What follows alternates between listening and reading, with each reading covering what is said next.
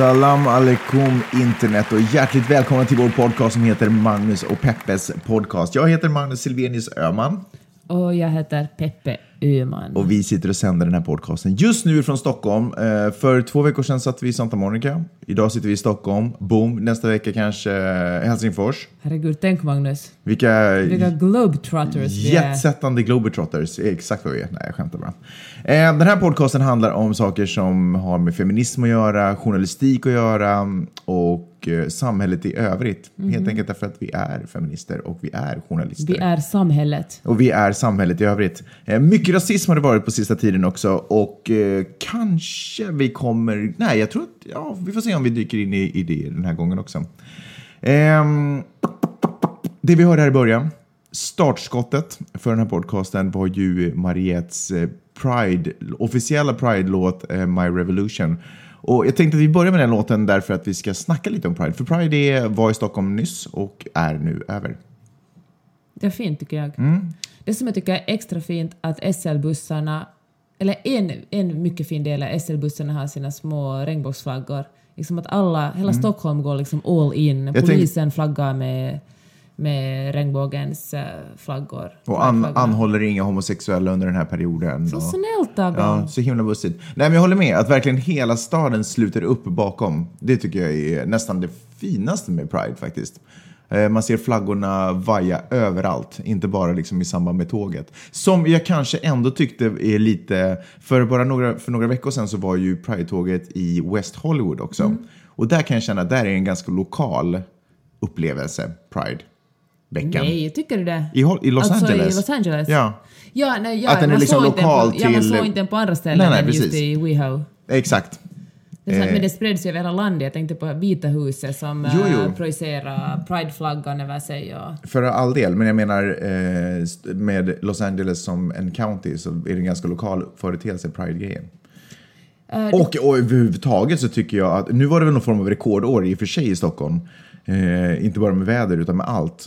Med del, hur många, vad var det? 40 jag 000? läste att de uppskattar att det skulle bli 40 000 som skulle gå i själva tåget och 400 000 som skulle kolla på tåget. Ja. Men det kan vara ännu fler för det var ju fint väder och alla var glada den dagen. Det var ju första sommardagen egentligen på hela sommaren här Åtminstone sen vi har kommit hit. Eh, men verkligen, så himla bra.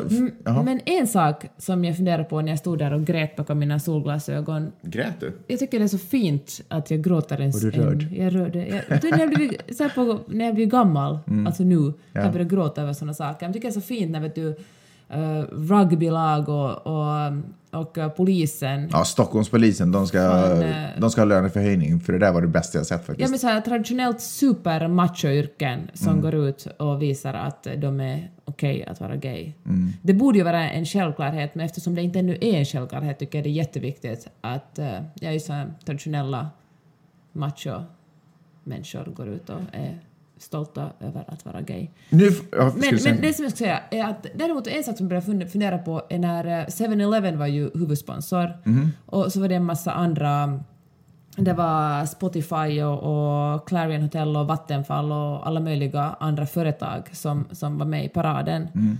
Och det visste jag inte riktigt hur jag skulle känna att är det liksom kapitaliserar de på Pride eller det att de är med visar de att det är att, att Pride angår oss alla. Men kan det inte vara ett jättebra exempel på, för man vill ju gärna när det handlar om eh, kapitalism och tjäna pengar så vill man ju gärna ta bort allting medmänskligt i det. Mm. Eh, Men kan det här vara ett exempel på när de två faktiskt är förenade? Ja, men då tänker jag att de får ju supermycket goodwill. Är det bara ett sätt för dem att liksom så här pinkwashing heter det, att, vi, att säga att, att så gör de vad de vill liksom alla andra dagar om året. Jag tror Men just den här enda Pride-paraden så är de världens mest eh, jämlika och jämställda företag. Jag tror att nyckelordet där är, är det bara ett och det är det ju inte. Det är det jag inte tror att det är rättare sagt. Jag tror att det, det är ett, men det är inte bara därför de gör det. Jag tror att eh, det, är- ja, alltså det är en bra situation att synas i kan man tycka. Det är ju nästan så att man faktiskt märker vilka företag som inte är där. Eh, nu är inte det här företag i och för sig, men jag noterade där att eh, AIK-klacken gled förbi, eller hade representanter, förstås inte hela AIK-klacken. Eh, och sen så kom representanter för Hammarby eh, klack där. Men inga djurgårdare fanns där. Och då kände jag så här, "Aj, fan lame. Ja, det konstiga är att inte vara med Ja, precis. i, i paraden. Att jag märkte det. Mm. Det tyckte jag var lite kräft. Jag träffade en väninna som jobbar på Finlands eh, ambassad här i Stockholm Mm. och hon berättade att eh, för några år sedan så ville, jag vet faktiskt inte hur det var i år, men för några år sedan så ville inte Finlands ambassad flagga med regnbågsflaggan trots att nästan alla andra ambassader gjorde det. Mm. USAs ambassader till och med delade ut eh, regnbågsflaggor åt, åt grannambassaderna. Och då tänker jag att ja, fan, det är gammaldags. Att Det är nästan konst, det är liksom som ett större ställningstagande att inte vilja flagga än att flagga. Men tydligen i Finland är det så konservativt att, att vi, eller jag vill inte säga vi, för jag vill inte vara en del av den konservativa delen, men att, att de tycker att det är för provokativt att vara för mänskliga rättigheter för att våga gå ut med det. Får jag flippa på det här myntet? Nej. Inte? Jag skojar, För vi har, så pass, vi har bra stämning nu. Vi tyckte det var så himla roligt att se och uppleva allt det där. Men min fråga är nu egentligen, 2015 behövs Gay Pride-festivalen egentligen? Men såklart behövs den. På samma sätt som feminismen behövs och antirasismen behövs. För jag, jag kanske... För att det är ju ett fantastiskt tillfälle att fira, så jag menar alla tillfällen att fira är ju fantastiskt, men just den här för, upp, för homosexuella, för, upp, för liksom ett tillfälle att uppmärksamma homosexuellas rättigheter. HBTQ, alltså det är ju inte bara Nej, nej, nej, fair enough. homosexuella. eh, hbtq-personers rättigheter och position i landet. Sådär. Behövs den uppmärksamheten nu? Är inte det ganska bra egentligen nu?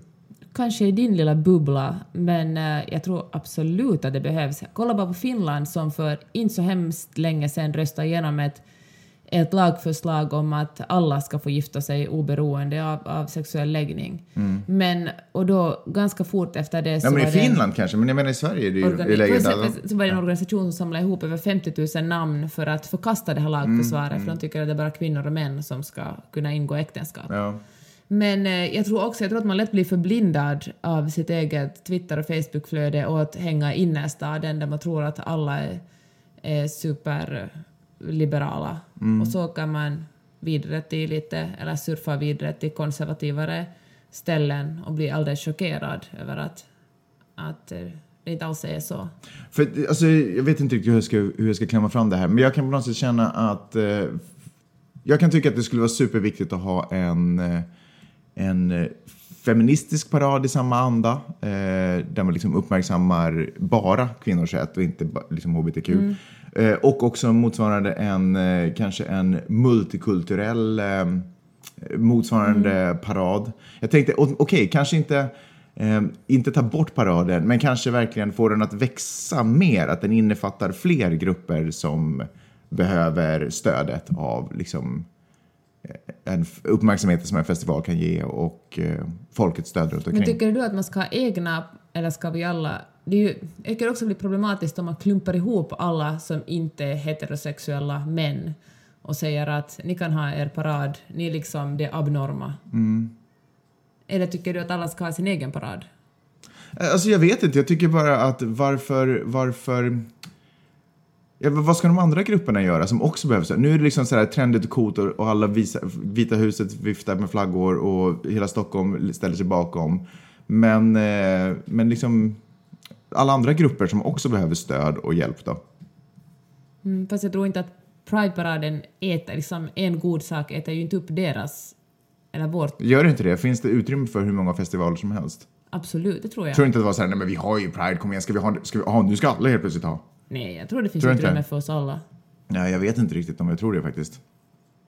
Mm. Jag kanske känner mig lite så här, okej, jag, jag, ska, um, jag ska backa och förklara varför jag känner mig lite så här, ah, kanske det finns en liten annan sida till det här. Och det är att jag tycker mig ha stött på, okej, jag satt och snackade med två, två snubbar, ett par, så satt jag och pratade med dem lite, så här, snackade lite politik och sådär. Och så visade det sig att de Liksom, jag fick en så superstark känsla lite med hur de argumenterade och vilka ämnen de ville prata om och liksom lite hur de ville prata om de ämnena.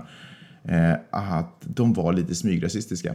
Är det sant? Eh, och, och det är inte kanske nödvändigtvis första gången. Alltså ibland så känner jag att den homosexuella gruppen nu kan vara ganska egoistisk. Och jag förstår att om man är liksom eh, eh, jag menar klassat som en sjukdom till säkert 70-talet i Finland och jag vet inte när i Sverige. Men eh, att man har ju kommit från en lång kamp och en lång resa. Det finns ju också en personlig resa naturligtvis som man går för att samhället ser ut som det gör. Att jag menar, det är inte, det är inte, det är inte kampen jag är så att säga emot, men det är kanske den här missundsamheten för andra, eller hur, hur otroligt stor fokus det blir på bara den egna kampen och andras kamp kamper är på något sätt inte riktigt värda i det här läget.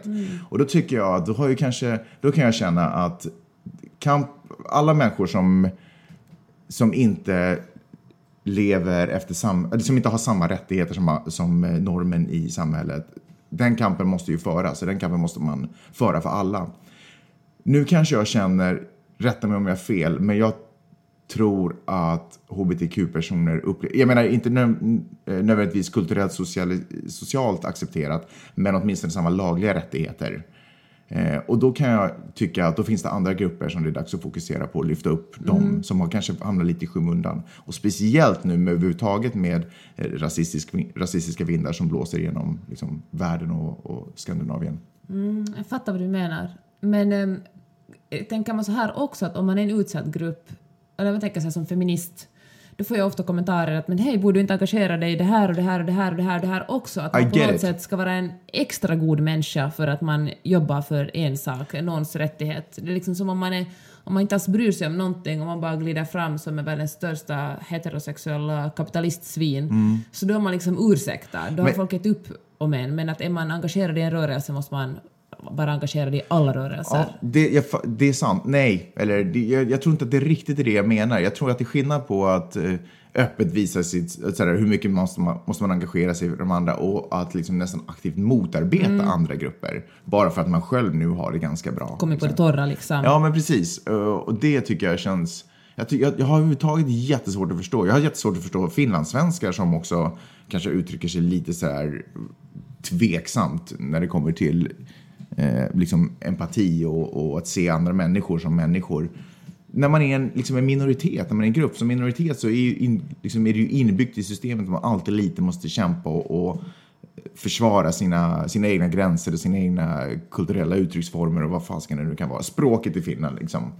Och, och inte på något sätt ser, eller att man inte liksom fattar, jag, jag förstår inte att man Men inte... kan det att, handla om att man, vill vara en att man är så trött på att vara förtryckt så man vill vara en del av majoritetskulturen och då liksom tar man det till, drar man det liksom så pass långt att man eh, att man eh, sugs in i den kanske förtryckarkulturen. jag tänker att... Eller förtryck är ett jättestarkt ord, men förstår du vad jag menar? Att Ja. man, man eh, orkar inte vara, man orkar inte kämpa utan man, liksom, man vill så gärna vara, vara liksom en del För av eh, majoriteten. Jag, jag trodde att det fanns vissa personer som var för att hjälpa eh, utsatta människor och så fanns det vissa personer som inte var det. Och, och sen kan de här personerna som är för att hjälpa utsatta människor komma från olika grupper. Men jag tänkte mig att det är lättare att se den, det är lättare att hamna in i den kategorin människor om man själv är en, till, har tillhört någon form av sån grupp. Om man fattar att man inte är den mest privilegierade. Precis, så då förstår man, åh nej, världen ser ut på det här sättet och då blir det på något sätt ett kall att man börjar hjälpa dels sin egen grupp och dels liksom andra människor som behöver hjälp, individer eller formationer. Liksom. Men så är det tydligen inte, utan liksom, till och med i de här utsatta grupperna så finns en helsikes massa egoister. Och det var lite sådär, Men tror du att det är ett manligt drag då? Tror du att de här snubbarna, du träffar dem på Östermalm, de är kanske lite snobbiga och de är vita och de är män, att de är liksom mer eh, traditionella snubbar än vad de är homosexuella? ja kanske, ja kanske. För man, jag kan ju föreställa mig att när de går ensamma på stan så utsätts de ju kanske inte för ett, för ett förtryck på samma sätt som man kanske utsätts för om man är EU-immigrant eller om man är kvinna som går hem på natten. Som de kanske inte, jag vet inte, de kanske inte kämpar emot förtrycket på samma sätt som många andra gör. Ja, ja nej, nej, nej, det är säkert sant. Och, men, men sen så tror jag också att det här, det som också är... Jag tror att en anledning till det här är också därför att de, eh, kanske då framförallt liksom homosexuella män, att de lider ju aldrig av det ekonomiska trycket. De, de kommer inte, jag, hemskt, jag kan inte tänka mig att det sker i Stockholm idag att eh, de inte skulle få jobb någonstans med sina, om de liksom, förutsatt att de har meriter naturligtvis. Och sådär. Att bara, nej men du är gay, du kan inte jobba här. Eh, som till exempel kanske då kvinnor, nej jag vill inte anställa dig för du kommer bli gravid. Eller invandrare, nej jag vill inte anställa dig för att jag är lite, eh, du är konstig för mig. namn. Ja men precis. Eh, och då kanske inte pressen heller på samma sätt. eh, Det är kanske, kanske man någonstans ändå är så pass privilegierad i sin lilla Jämlikheten har gått så långt. Ja, precis. Ja, no, det var bara en liten tanke angående... um, Det är bra. Därför kände jag inga tårar bakom mina solglasögon när jag såg Perfekt. Men det var Du ändå stod bara fantastiskt. alldeles iskall medan du åt din pizza. Det var ändå fantastiskt roligt. Men det hände ganska nyligen innan den där Pride-festivalen. Så att jag var lite sådär... um, I stundvis var jag lite sådär lite arg faktiskt när jag stod och tittade på det. Det var, det var en fantastisk upplevelse och det var jätteroligt. Och du vet, Stockholmspolisen och alla de andra små färgklickarna tyckte jag var superroligt. Eh, kanske mest det här som du säger, att den här klassiska manliga yrken och klass, traditionellt eh, ja, men så här maskulina eh, företeelser, att de vågar visa upp att det finns alternativ till det här. Det tycker jag är fantastiskt. Militären var till och med med där. Absolut, det, det, sånt är ju superbra för där behöver man ju verkligen förebilder för att liksom hjälpa och sådär. Men däremellan så kände jag bara så här, vilka bort... Vilket spektakel! Nej, nej, men jag bara kände så här, gud så mycket bortskämda människor som springer omkring här. Mm. Som inte heller uppskattar kampen. Så tycker jag... Kanske livet är ett nötskal när man eh, bor i Stockholm. Prehaps, perhaps. Ska vi snacka någonting annat? Eller vill, har du någon, vill du avsluta eh, Gay Pride-grejen? Uh, nej, men vi kan... Ja, det vill jag. Okej, bra. Men eh, det som vi skulle tala om är en eh, satsning som svenska YLE har gjort tillsammans med, eh, med Kioski, som är en finsk... eh, Yle. Yle, finska Ja. Yle. Vad, vad vad ska man säga att de är? De är kanske ungdoms... Um, aktualitet, ett, ja, ett aktualitetsprogram skulle man väl kunna Ja. kalla det för. Och, eh, och det tycker jag, de har ett superbra projekt som heter Enkelbiljett som handlar om... Oj, jag har varit med i en antologi som heter Enkel biljett. Det är sant, Enkelbiljett i Europa heter det. Ja. Och eh, de har intervjuat människor som har, som har kommit från olika delar av världen och, och liksom smugglats in i Europa på de mest vidriga sätt och, och liksom lyfta upp, eh, kanske sätta ett ansikte på, på immigranter och förklara liksom, låta dem berätta varifrån de kommer och varf, varför de har flytt sina länder. Ja. Och eh, det tycker jag är så jäkla bra. För att Hedervärt. ofta, när jag tänker, det här, det här är mina egna fördomar, men jag tänker på det extremt tänker jag ganska mycket på skoj och flams, sånt som du håller på med Magnus. Mm, tack. Och, eh, men nu gör de en sån här eh, stor satsning som verkligen är av betydelse och som når ut till massa unga människor. Det är ju himla fint. Men, nu förstör jag allt det här sagt, men, men hela den här, hela den här eh, reportageserien avslutas i att eh, fyra stycken eh, personer, var Paleface som är rappare och Rakel Lieke som är journalist på, på på Kioski och två Dan Granqvist heter han visst från Röd Extrem och sen ännu en person som, eh, äh, vet, äsch, om jag har nämnt alla andra måste jag ju också nämna henne. Eh, äh, Susani Mahadura heter hon. Stängs in i en container i, uppe i Vasa där de ska stanna i 24 timmar. De ska liksom sova där, gå på toaletten där i den här containern. Det är kolmörkt och de är instängda i 24 timmar för att äh, lajva upplevelsen hur det är att eh, bli människosmugglad. De ska liksom kunna berätta om hur det kändes. Och uh, okej, det är ju bra liksom att de upplever det. Men jag vet jag tycker det är på något sätt eh, problematiskt att vi som är så superprivilegierade här uppe i, i, i Norden, i Europa, som redan har, vi har liksom det superbra, att det enda sättet vi kan känna solidaritet är att uppleva det själva. Det är sådär som att det finns tusen exempel på det Eller här. i det här fallet en light-version av det nog. Ja, men, men jag kommer dit. Ja. Alltså, det är ju en så superlight version. Det är som att sitta i, eh, i två timmar ute på gatan och tigga för att känna hur det är att vara EU-immigrant. Varför åker de inte bara en nedsläckt buss genom stan? Ja, eller varför intervjuar de inte ännu fler människor som verkligen har varit med om det här? Måste verkligen, känner människor verkligen bara solidaritet om någon av dem upplever det här? Men är inte det här, vi har ju snackat om det här tidigare i några avsnitt, eller förlåt. Får jag ändå säga en sak? För det är en jättestor skillnad att var, leva det här livet än att vara instängd i 24 timmar och sen gå tillbaka till sina vanliga liv. De vet ju att det, det är liksom inga Det är inte liksom någon osäkerhet som väntar dem när dörrarna öppnas igen, Mm. utan då går de tillbaka till sina vanliga liv och hyllas som hjältar för de har varit med, de har gjort någonting som... Nå- nå- Någonting crazy. Det är som att, göra, det är som att hoppa bungee. Ja. Det är ingen skill och du är Det är inte samma sak som att ta livet av sig. Nej, men förstår du vad jag menar? Ja, jag. Det är liksom, ingen riskerar någonting Ja. överhuvudtaget. Det är en upplevelse, de kan berätta om den. Men kan man intervjua, för lyfta fram folk som på riktigt är i den här stationen istället? Det är så så bortskämt. Mm. Och nu menar jag inte bara de här journalisterna, det här projektet, som, människorna som gör det, utan överhuvudtaget, vad är det för fel på oss som inte kan känna solidaritet med människor som på riktigt har de här upplevelserna, som på riktigt kommer med båtar över Medelhavet nära att drunkna.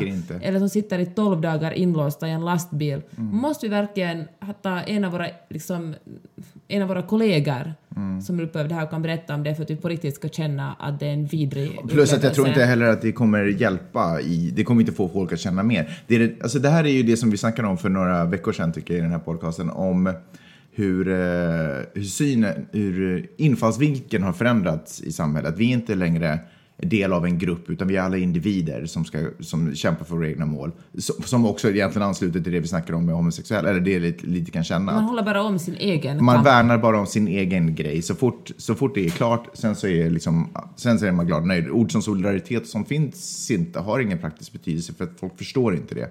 Ehm, för man kan inte känna helt enkelt en gemenskap på samma sätt verkar det som. Ehm, och då är det ju ganska självklart att man måste pröva på de här sakerna själv. Det som är roligt är ju att man gör ju det här till synes för allmänhetens nytta, men det de egentligen vill göra är att de själva vill uppleva hur det är att sitta i en mörk container. De vågar, eller gör, göra den här resan. De vågar naturligtvis inte göra den riktiga resan och det är helt sunt.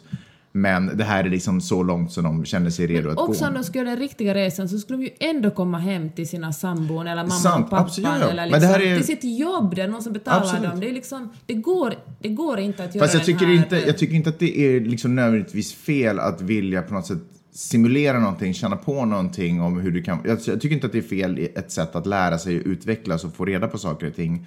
Men jag tycker att det är, det är lite falskt att, loss, att lägga det här in under rubriken journalistik och nu försöker vi hjälpa människor att förstå den här grejen. För det här är ju en egoistisk upplevelse, det här är ju helt en egotrippad grej. Det enda vi kan få ut av dem är ju deras historier nu. Som om deras historier av den här upplevelsen skulle vara mer värdefulla än de riktiga historierna för de riktiga upplevelserna. Så det här är ju en, bara en, en egotripp. Men tror du att det är liksom läsarnas och lyssnarnas och tittarnas fel då? Att vi som, som mediekonsumenter inte kan förstå, inte kan känna solidaritet med någonting som hänt på riktigt, utan vi måste höra den här historien från någon som har samma hudfärg Nej, som vi och men, samma... jag tror inte att det handlar om att vi måste få höra. Jag tror att deras historier som de kommer ut med är helt irrelevanta. Ingen kommer ta åt sig mer av dem. Jag är ganska säker. Men, men vi har en bild av att för att vi är så fullt upp, vi är så uppslukade i oss själva och våra egna upplevelser att vi tror att bara för att vi har varit med. Det märker vi också i argumentation i, i ehm, ja, vilken, vilken som helst argumentation, om man får använda en ordet eller inte, så han, kommer ju argument, argumenten ofta ifrån att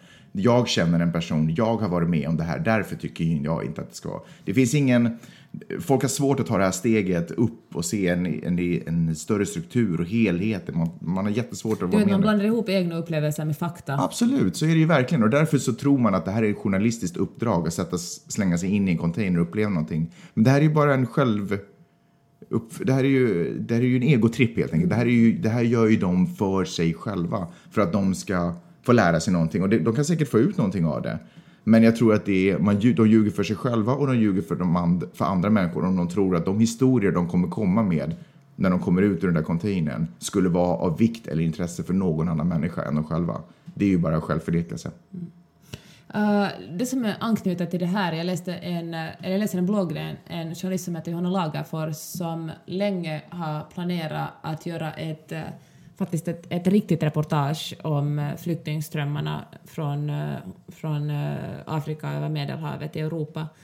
Och hon, med psykobarn, så nu är hon hemma och har lagt den här planen. Hon, jag tror att hennes man också är journalist, de ska göra det tillsammans. De har rest mycket och, och skrivit gjort många liksom resereportage. Och då menar jag alltså inte bara till Acapulco utan liksom reportage, utrikesreportage heter det man kan svenska. Och, eh, men så hon länkar till ett eh, Instagramkonto där en, en eh, man från Dakar i Senegal som verkar ha typ lite på 20, där han, sku, där han skriver att han instagrammar sin väg nu från Dakar till Spanien. Han vill, han vill hitta ett bättre liv, att följa med på min, på min resa. Och, ehm, och då tänk, herregud, tänk liksom, du vet ens Instagramflöde annars är gulliga barn och snygga dukningar och solnedgångar och sen boom, någon som eh, som eh, har satt hela, sitt, hela sin egen framtid och sitt liv på spel genom att ta sig över Medelhavet från Afrika till Spanien. Och så höll jag just på att, att äh, skriva, jag tänkte att jag måste skriva om det här och sprida det här så fler människor följer honom och så visade det sig att uh, det var en, um, det var ingen riktig konto utan det var ett, uh, en spansk, det var reklam för en spansk film Mm. som som, ja, jag vet inte, filmen kanske handlar om, om den här problematiken men det var i alla fall ett fejkkonto för att göra reklam för någonting. Men det är just det, alla sådana här tricks och skickliga, skickligt arrangerade tricks gör ju det att folk blir jätteförvirrade och det är jättesvårt att förstå vad som är underhållning och vad som är journalistik.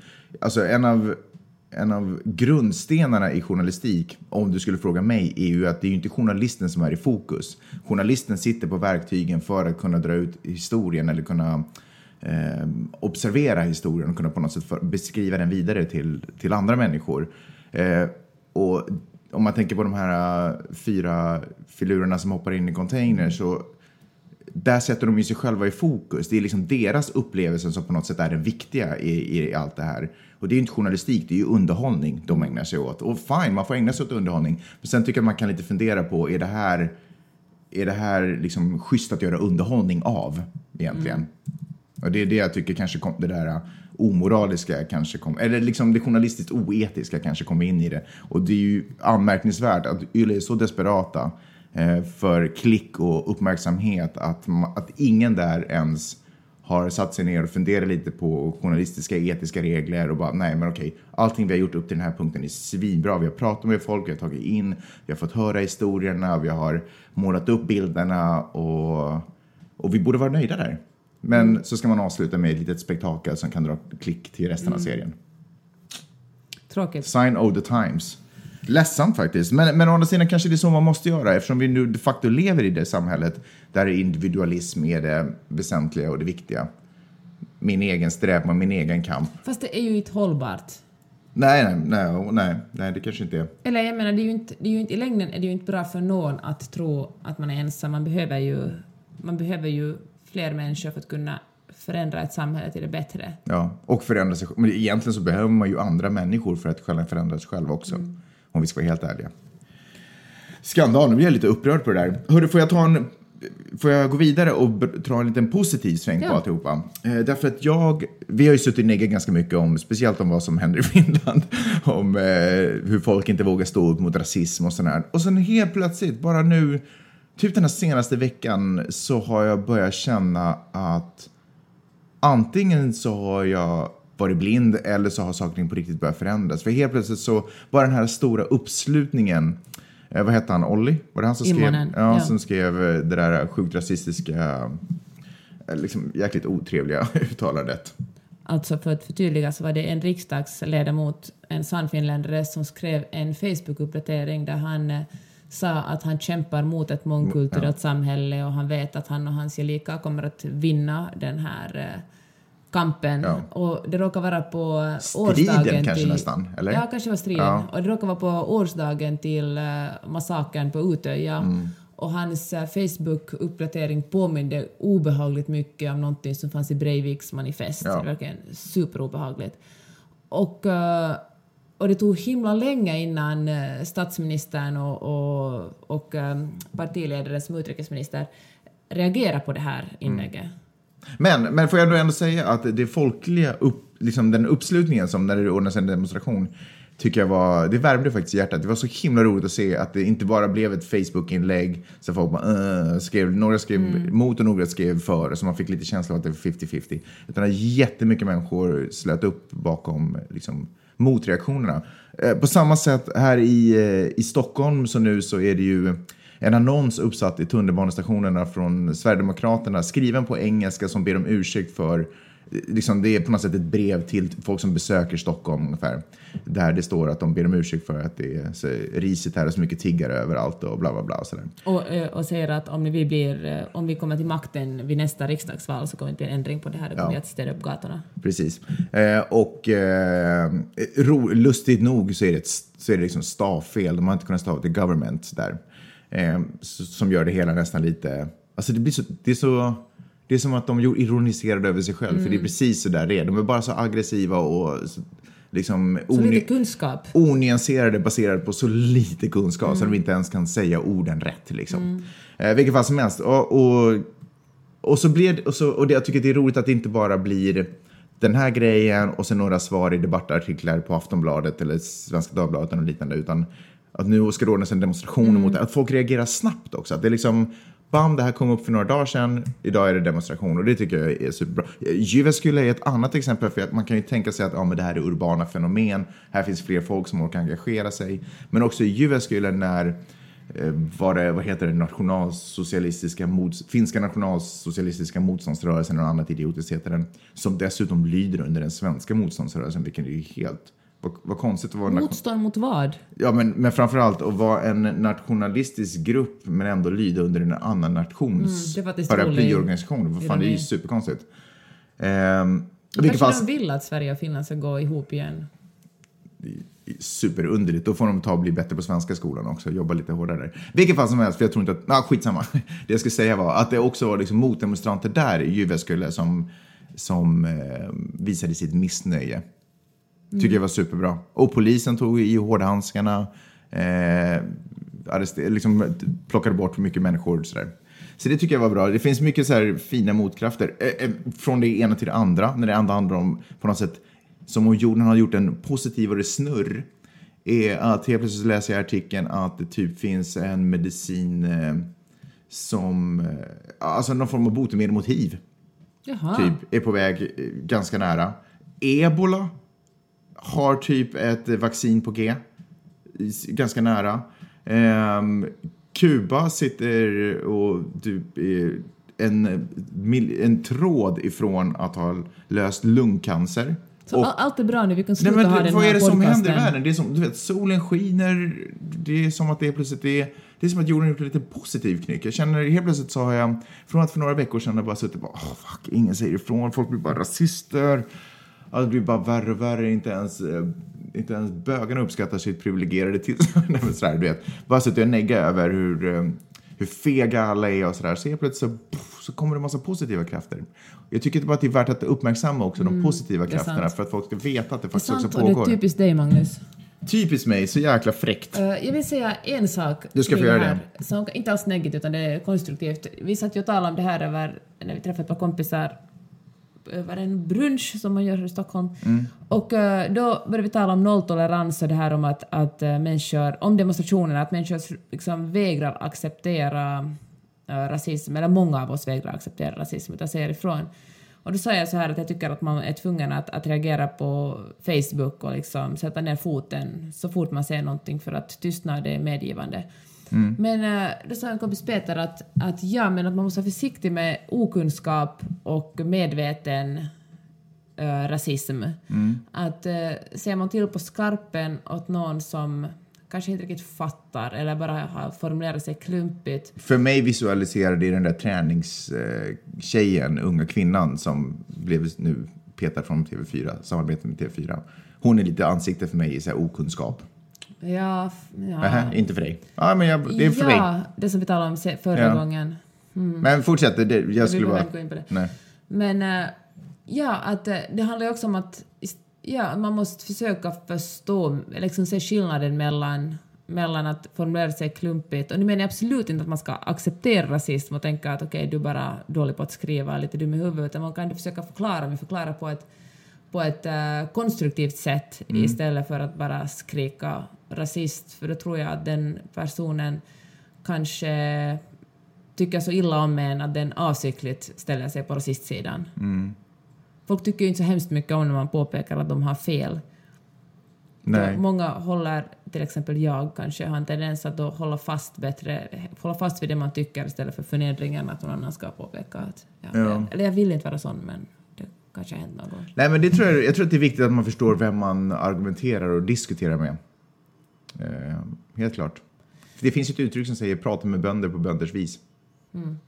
Eh, en annan sak som jag tänkte på, den här demonstrationen som hålls för, för de här Sverigedemokraternas uh, rasistiska reklam på Östermalms tunnelbanestation, är ju, det är blixtsnabbt på dagen, var det samma dag eller dag? Jag tror faktiskt samma dag som, som den här reklamen kom upp så började, or, skulle man organisera en demonstration på Östermalms torg som sen flyttades eh, till idag och nu är den så stor så nu är den flyttas till. Malmstorg. Okej, ja, ja, men ändå idag. Men ja. ändå idag. Men, eh, men då tänker jag att alla de som inte finns på Twitter, eller, eller inte, okej alla finns, nästan alla finns på Facebook, men det, men typ din mamma kanske inte har stenkoll på den här demonstrationen och hon är kanske en sån person som skulle gå i den demonstrationen. Jag tänker att, att det, det blir också en viss kanske en, inte, inte en klassfråga, men det är, en, det är bara en viss sorts människor som får den här informationen om, om demonst- ja, så det, det är också bara en viss sorts människor som demonstrerar. Jag, vet inte om det, jag säger inte att det var bättre förr, men man måste komma ihåg att, att alla är inte superbra på att navigera på sociala medier. Nej. Ja, det är ju, ja, nej. Ja, det hade jag inte ens tänkt på. Fast min morsa är på Facebook. Ja, men då tänker jag så här att din morsas kompisar, för på Facebook är på något sätt, alltså Twitter låser man kanske också in sig i en bubbla, men, eh, men Facebook är ännu mer det här att man bara följer sina kompisar. Ja, men jag menar, min morsa kan ju inte, nu vet jag inte varför vi börjar snacka om min morsa, men, men hon kan ju ta ansvar och börja följa antirasistiska organis- organisationer på Facebook och då får hon ju uppdateringar om sådana saker också. Fast då måste man också vara så mycket så pass duktig att man vet att man liksom vet att man ska följa dem. Ja. Men varför snackar du om det här? Du bara säger, ja men det är viktigt att man måste också komma ihåg att alla Nej, men jag inte... menar att, att alla inte inkluderas i det. Att, eh, alla inte, att det går så himla snabba ryck att alla som skulle Ja. vara med om en sån här demonstration aldrig får den informationen utan de läser om den följande tidningen. Ja. Jag har liksom Mm. ingen lösning på det, jag vill bara, jag vill bara poängtera det här. Du vill bara slå ett slag för de som inte är på sociala medier. Jag vill bara slå ett slag för att jag finns på Twitter. Men å andra sidan så var det slaget svingat i luften för att om man inte är med på sociala medier så hör man inte den här podcasten heller. Sant. Hör du, eh, det var väl allt vi hade bjuda på den här veckan va? Herregud så det blev kort, Magnus. Ja. Men huvudsaken är att det är koncist. Okej. Tack så hemskt mycket Peppe.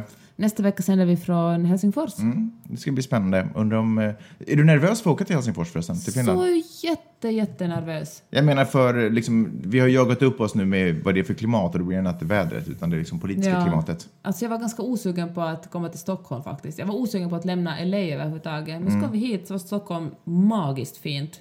Och nu är jag så super osugen på att åka till Helsingfors. Men jag antar att det också, jag tror att det också kommer att vara superfint och roligt. Men du är ju typ osugen på allt som inte har med mat och att skriva böcker att göra. Eller? Tack för att ni har lyssnat på den här podden. Skönt att sluta med dålig stämning. Eh, men i alla fall, supertack för att ni har lyssnat på den här podcasten. Och eh, vi gör det alltid, men jag tänker göra det nu också. Gå gärna jättegärna in och skriv en recension. Eh, ge någon form av betyg. Ni vet, det finns olika möjligheter på olika forum. Vi finns på iTunes. Där är det jätteroligt om ni skriver en recension. Eh, vi finns naturligtvis på Soundcloud och Acast. Så um, vi hörs där nästa vecka. Och tack så hemskt mycket för att ni har lyssnat. Sköt om er. Ha det bra! Hej då! Hej!